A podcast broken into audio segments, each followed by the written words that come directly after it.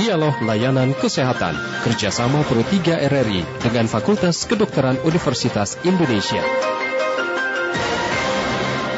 Terima kasih pendengar Anda masih bersama kami dan kini kami ajak Anda untuk masuk dalam sesi dialog layanan kesehatan COVID-19 kerjasama Fakultas Kedokteran Universitas Indonesia dan RRI. Adapun tema yang akan kami bahas di pagi hari ini, bagaimana pengaruh usia terhadap kesuburan seorang perempuan. Kami akan membahasnya bersama dengan Dr. Mila Meidarti, SPOG, FER PhD dari Departemen Obstetri Ginekologi. Dan Anda nanti kami undang untuk dapat berinteraksi bersama dengan narasumber kami di 021 352 3172, 021 384 4545, 021 386 6712. Juga dapat melalui WhatsApp kami di 081 399 399 888. Segera kita mulai perbincangan kita di dialog, dialog layanan kesehatan COVID-19. Selamat pagi, Dokter Mila. Apa kabar? Halo, selamat pagi Mas ya. Rudi. Kabar baik, Alhamdulillah. Baik, Gimana ya. kabarnya Mas Rudi? Sehat sekali, Alhamdulillah dokter. Ya. Oke, baik. Alhamdulillah. Baik, tentu banyak ini dok yang ingin mengetahui tema kita. Bagaimana pengaruh usia terhadap kesuburan seorang perempuan. Mungkin bisa dijelaskan dulu dok, kesuburan seorang perempuan itu apa yang dimaksud di sana dok?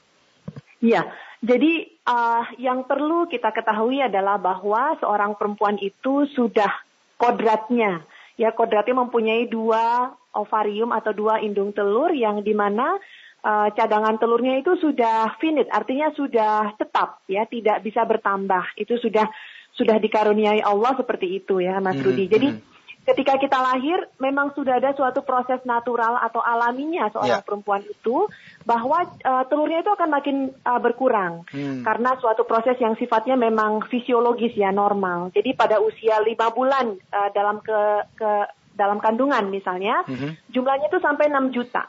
Kemudian dia akan turun pada saat lahir menjadi hanya 2 juta. Itu ada suatu mekanisme proses yang berlangsung pada semua perempuan. Mhm. Lalu kemudian mencapai usia pubertas ada lagi proses yang menyebabkan uh, kematian sebagian besar dari uh, sel telur yang ada uh, hmm. pada uh, ovarium seorang perempuan sampai akhirnya ketika dia sudah menstruasi atau sudah uh, masa pubertas maka ya. hanya ada sekitar 400 sampai dengan 500 ribu mm-hmm. jadi sangat sudah sangat menurun sekali ya memang suatu proses yang alami ya. akhirnya seorang perempuan itu uh, pada dasarnya mempunyai sekitar 400 uh, sampai dengan 500 ribu Nah ini setiap bulan ketika kita menstruasi maka seribu akan dikeluarkan. Sehingga dengan berlangsungnya atau meningkatnya usia maka akan makin rendah berkurang lagi seribu. Bulan depannya berkurang lagi seribu.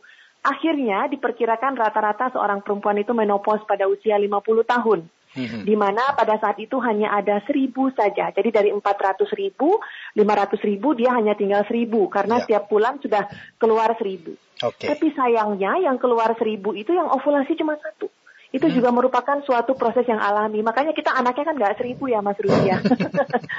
Jadi seribu yang dikeluarkan ovulasi satu. Jadi rata-rata seorang perempuan itu hanya punya satu anak. Hmm. Kalau sampai hmm. terjadi uh, kembar itu suara, uh, suatu uh, hal yang lain lagi. Yeah. Tapi natural normalnya hanya satu. Nah, itu jadi sehingga dengan meningkatnya usia maka cadangan telur seorang perempuan itu akan makin berkurang, ya. maka chance-nya untuk hamil makin berkurang, ya. begitu Mas Budi. Baik, bisa tidak dok di, disebutkan misalnya kira-kira lazimnya dari sisi usia berapakah cadangan telur pada perempuan itu hmm. sudah semakin berkurang sehingga akan sangat sulit berpotensi atau ya mengurangi tingkat kesuburannya? Oke, okay. hmm. uh, sebenarnya ada suatu penelitian yang dilakukan di Inggris di suatu center dengan mengikut sertakan uh, jumlah pasien yang cukup banyak ya, lebih dari 20 ribu, dikatakan bahwa uh, peak atau golden periodnya itu adalah 31 tahun Mas Rudi. Jadi tetapi hmm. sebetulnya uh, kategori yang kita buat 35. Jadi kalau untuk program hamil keberhasilannya tinggi, jadi golden period, ayolah kita sebelum 31 tahun nih gitu datangnya ke dokter gitu ya. Mm -hmm. Kalau sudah 32 bukannya nggak nggak ada chance, tapi uh, golden period obesnya itu sekitar 31 tahun kurang gitu Mas Rudi. Mm -hmm. Tapi uh, sebaiknya sih apalagi kalau sudah 35 tahun, aduh segeralah kalau belum juga punya keturunan usia sudah 35 tahun, ayo segera datang ke dokter karena di atas 35 itu sudah ditunjukkan bahwa cadangannya sangat-sangat sudah berkurang. Iya. Bukan cuma cadangan tapi kualitasnya juga sangat berkurang kualitas telurnya. Ya. Selain dari sisi usia secara normal, adakah faktor lain dok yang bisa mengurangi kesuburan seorang perempuan? Oke, okay. Pertanyaannya bagus sekali nih Mas Rudi ya. Jadi apakah hanya usia saja yang yeah. mempengaruhi kesuburan? Tidak ya, jawabannya tidak. Hmm. Uh, itu juga sangat dipengaruhi oleh beberapa kondisi. Misalnya ada kista coklat. Kista hmm. coklat atau endometriosis yang ditandai dengan nyeri haid setiap bulannya itu akan seolah-olah seperti menggerogoti cadangan telur seorang perempuan. Sehingga pada pasien-pasien dengan kista coklat tanpa dioperasi saja itu sudah berkurang cadangan telurnya, kualitas telurnya juga sudah berkurang apalagi kalau dioperasi.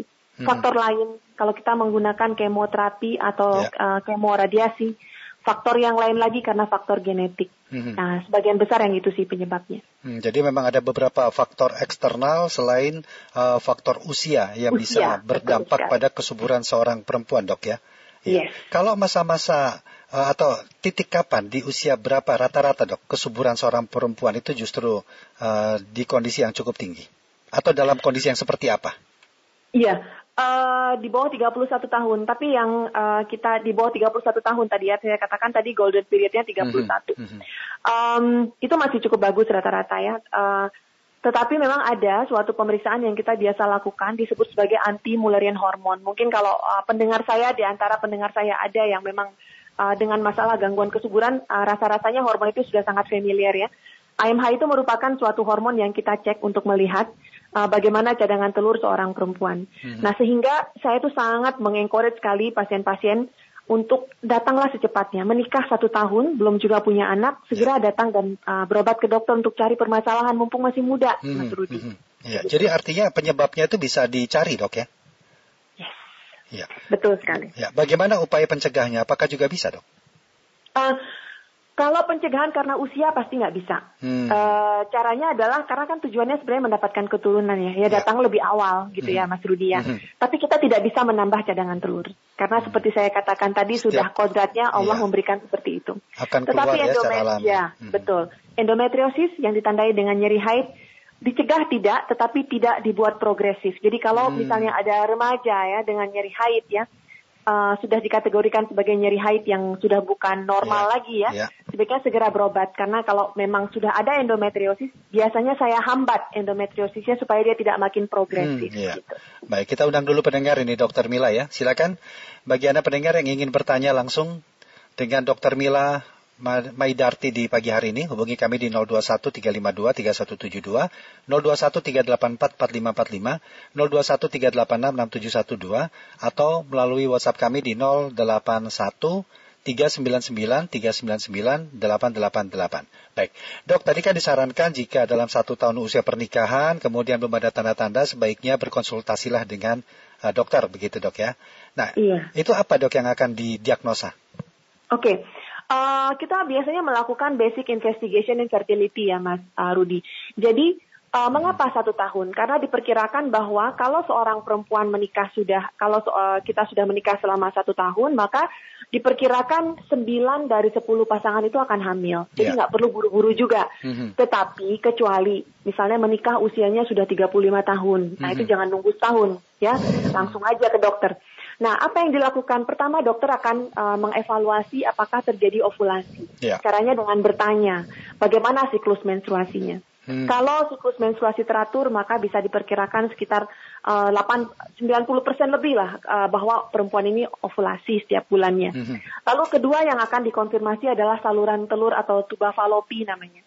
Saluran telur itu diperlukan untuk lewat sperma juga diperlukan ketika implantasi terjadi karena implantasi terjadi di ujungnya saluran ini maka implantasi itu harus berjalan masuk ke dalam rahim. Yeah. Nah, kalau kalau saluran yang nggak bagus kan itu nggak akan terjadi ya. Yeah. Jadi itu yang akan dicek dengan pemeriksaan namanya histerosalpingografi. Jadi yang memeriksa dokter radiologi, Mas Rudi, mm-hmm. untuk lihat salurannya itu intak atau tidak, ada sumbatan atau tidak. Mm-hmm. Nah, yang ketiga yang juga sangat penting itu adalah faktor sperma. Mm. Itu juga harus dilihat. Jadi mungkin saya bisa katakan bahwa yang menentukan kehamilan untuk punya keturunan itu 50-50 ya. Ya. Jadi 50% kontribusi dari ibu, 50% kontribusi dari suami. Ya. Gitu. Jadi bukan jangan datang sendiri ke dokter kandungan. Baik. Begitu. Baik dokter Mila kita terima dulu pendengar dok ya sudah ada dua ini ada Pak Oni di Bantul dan juga Pak Ramadan di Sorong yang kami terima Pak Oni terlebih dahulu di Bantul selamat pagi Pak Oni.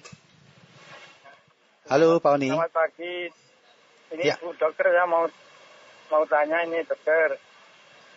Ya, ya silakan Pak. Anak saya sudah dua, dua tahun menikah itu belum punya anak. Terus ya. periksa ke dokter kandungan semuanya bagus itu dokter. Mm -hmm. Shelternya bagus, lain bagus, spermanya bagus, suaminya bagus. Ini langkah selanjutnya apa ya dokter? Baik. Oke. Okay. Ya. Itu aja. Terima kasih dokter. Ya. Usianya... Assalamualaikum. Waalaikumsalam warahmatullahi wabarakatuh. Hmm. Mohon, halo Pak Oni. Ya. Halo Pak Oni. Ya, ya. ya, tadi tanya tadi usianya berapa Pak anaknya? Usianya baru 25. 25. Yang perempuan. Ya. ya. Yang laki-laki ya sekitar 27. Baik. Oke. Okay. Baik. Baik Pak Pak Oni ya, nanti akan ya, dijawab ya. dengan Dokter Mila. Ya, kita tahan dulu Dokter Mila ya. Kita terima berikutnya ada Pak Ramadan di Sorong. Selamat pagi Pak Ramadan. Ya, selamat pagi Bang Rudi. Iya, dengan uh, Dokter Mila. Selamat pagi Dokter Mila. Assalamualaikum. Selamat pagi Pak. Salam. Nah, eh, eh, tadi Dokter bilang bahwa uh, usia 31 itu adalah uh, yang terbaik ya. Memang saya pernah baca hmm. artikel sih, yang apa, masa kehamilan terbaik 25 tahun sampai 31 tahun ya. Gitu. Mm -hmm. Nah, teman saya ini ada teman saya, yang dia sudah usia 39 tahun. Mm -hmm. Karena mm. karena kegagalan apa itu mendapatkan pasangan juga karena mengejar karir ya. Nah sekarang dia udah kayaknya takut untuk menikah katanya, Baik. takut melahirkan mungkin. Jadi begini, pertanyaan saya pertama, kalau wanita yang telah berusia di atas 40 tahun ya, berapa persenkah masih kemungkinan bisa hamil hmm. dan seberapa resikonya? Yang kedua, apakah wanita yang punya bawaan komorbid atau darah tinggi, hipertensi ya, itu hmm melahirkan dengan cara terpaksa harus dengan apa itu cesar ya melahirkan dengan iya. cesar. Yeah. Berapa sih apa risiko apa itu berbahayanya risiko kalau dia berat tinggi kemudian harus cesar. Nah, tapi kalau orang bule bagaimana? Orang barat orang barat Afrika katanya lebih kuat dari wanita Asia. Apakah Baik. benar atau memang sama? Demikian. Ya. Terima kasih. Selamat Terima pagi. kasih Pak Ramadan. Ya. Sebelumnya juga Pak Oni. Silakan Dokter Mila mungkin bisa dijawab. Saya jawab pertanyaan Pak Oni dulu ya, ya Mas Rudi. Silakan. Iya, uh, usia 25-27 tahun ini bagus sekali ya. Uh, udah periksa ya, udah periksa bagaimana spermanya, kemudian uh, semoga periksanya sudah basic investigation tadi seperti uh, mengkonfirmasi ovulasi atau tidak dengan siklus haid, yang kedua saluran telur, yang ketiga sperma. Kalau memang ketiga-tiganya tidak ada masalah, maka inilah yang kita sebut sebagai unexplained infertility. Jadi infertilitas yang tidak bisa dijelaskan apa sebabnya. Nah ini sebenarnya mengapa? Karena kita hanya melakukan basic investigation saja. Kadang-kadang ada berkaitan dengan masalah kualitas telur yang kita nggak bisa lihat karena itu sifatnya sangat biomolekuler.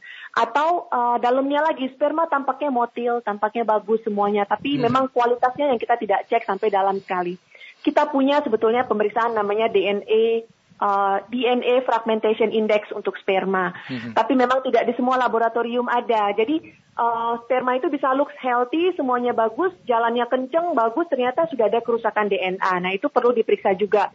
Um, nah apa yang uh, step apa yang harus dilakukan selanjutnya? Pastinya ke dokter kandungan. Dokter kandungannya akan menentukan nantinya. Kalau memang sudah dua tahun, tapi usia masih muda Kadang-kadang mereka akan mencoba dulu dengan menginduksi ovulasi ya. Jadi uh, memberikan obat-obat untuk membesarkan telur. Oh itu bisa Lalu, dok ya?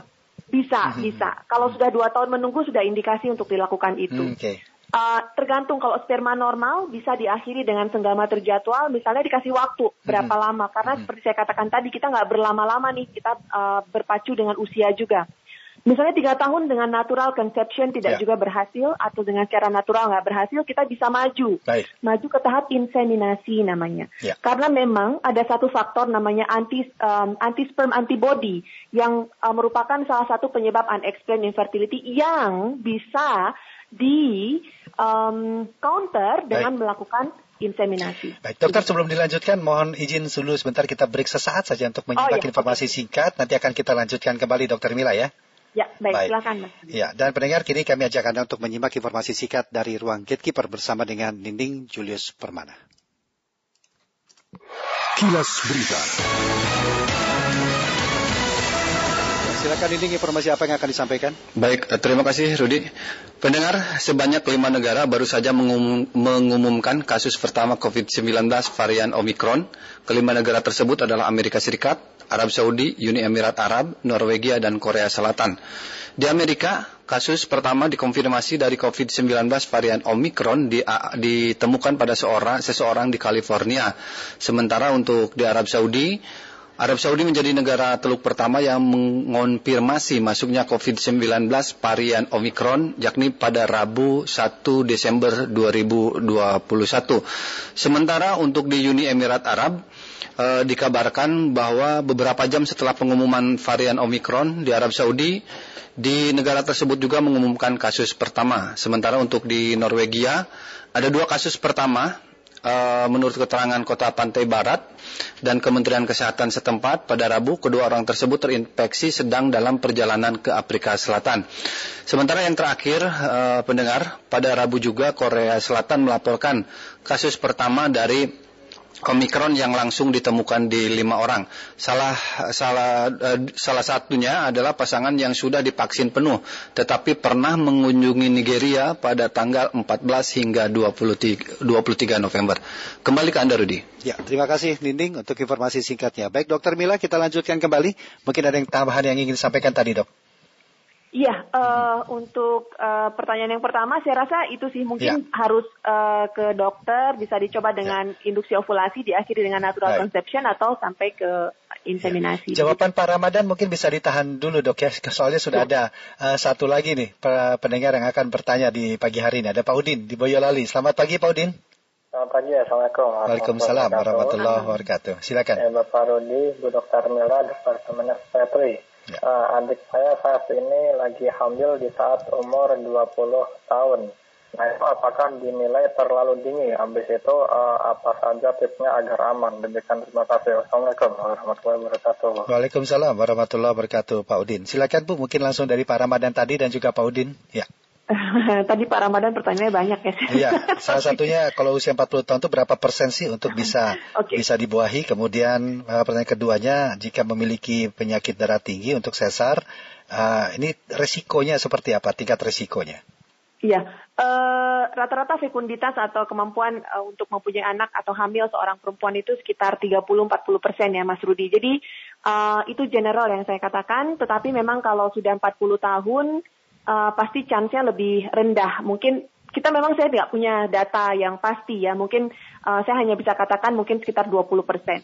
Nah, mm -hmm. uh, bagaimana kalau di pasien dengan tekanan darah tinggi dioperasi? Gak masalah sih. Sebetulnya kan memang kalau pasien-pasien dengan kehamilan lalu yeah. tekanan darah tinggi selama kehamilan, apalagi kalau di usia 40 tahun itu biasanya meningkat resiko preeklamsia namanya atau tekanan darah tinggi selama kehamilan memang nanti dokter akan menilai apakah bisa lahir normal atau spontan atau memang harus operasi. Kalau memang harus operasi tidak ada masalah sama sekali, resikonya umumnya sama dengan pasien yang lain. Hmm, baik. Pertanyaan Pak Udin mengenai adiknya yang berusia 20 tahun, apakah itu hmm. termasuk saat ini sedang hamil, apakah itu termasuk dalam usia dini atau tidak ini dok? Dan ya. tipsnya seperti apa? Hmm.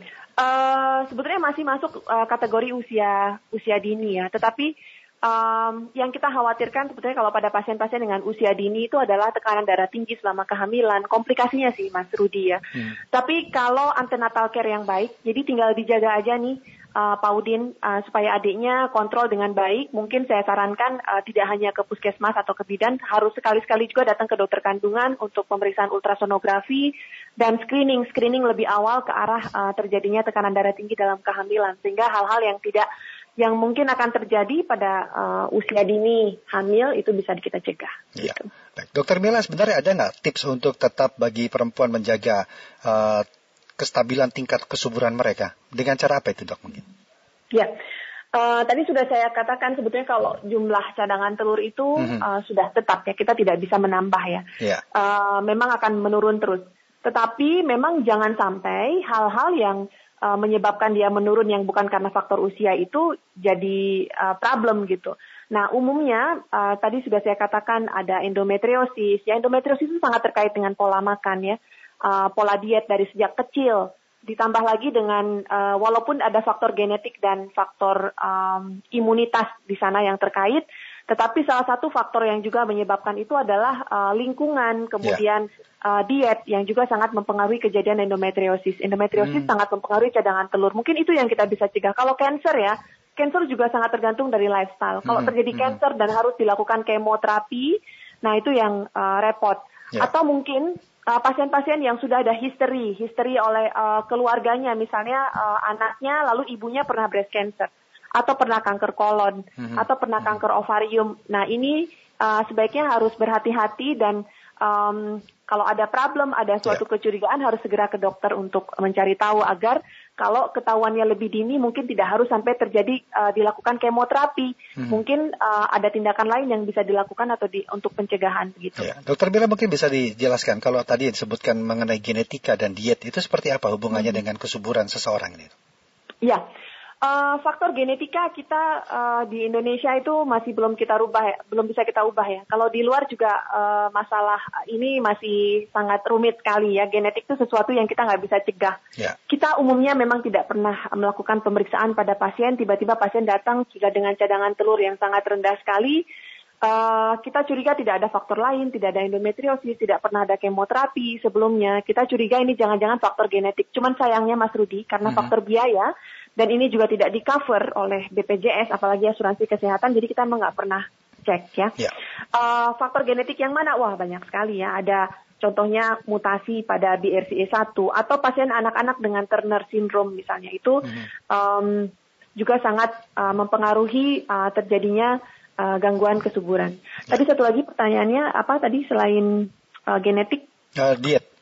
Diet, oke. Okay. Yeah. Uh, untuk diet, uh, ini sebenarnya terkait dengan pola hidup yang bukan hanya diet tapi lingkungan juga. Contohnya okay. adalah dioksin dari polutan, polusi udara. Okay. Itu oh. uh, sangat dikaitkan dengan uh, meningkatnya kadar estrogen pada seorang perempuan. Hmm. Memang tergantung bakat sih. Contoh saya makan banyak tempe, banyak soya, nggak bikin saya endometriosis ya, karena hmm. saya nggak punya bakat.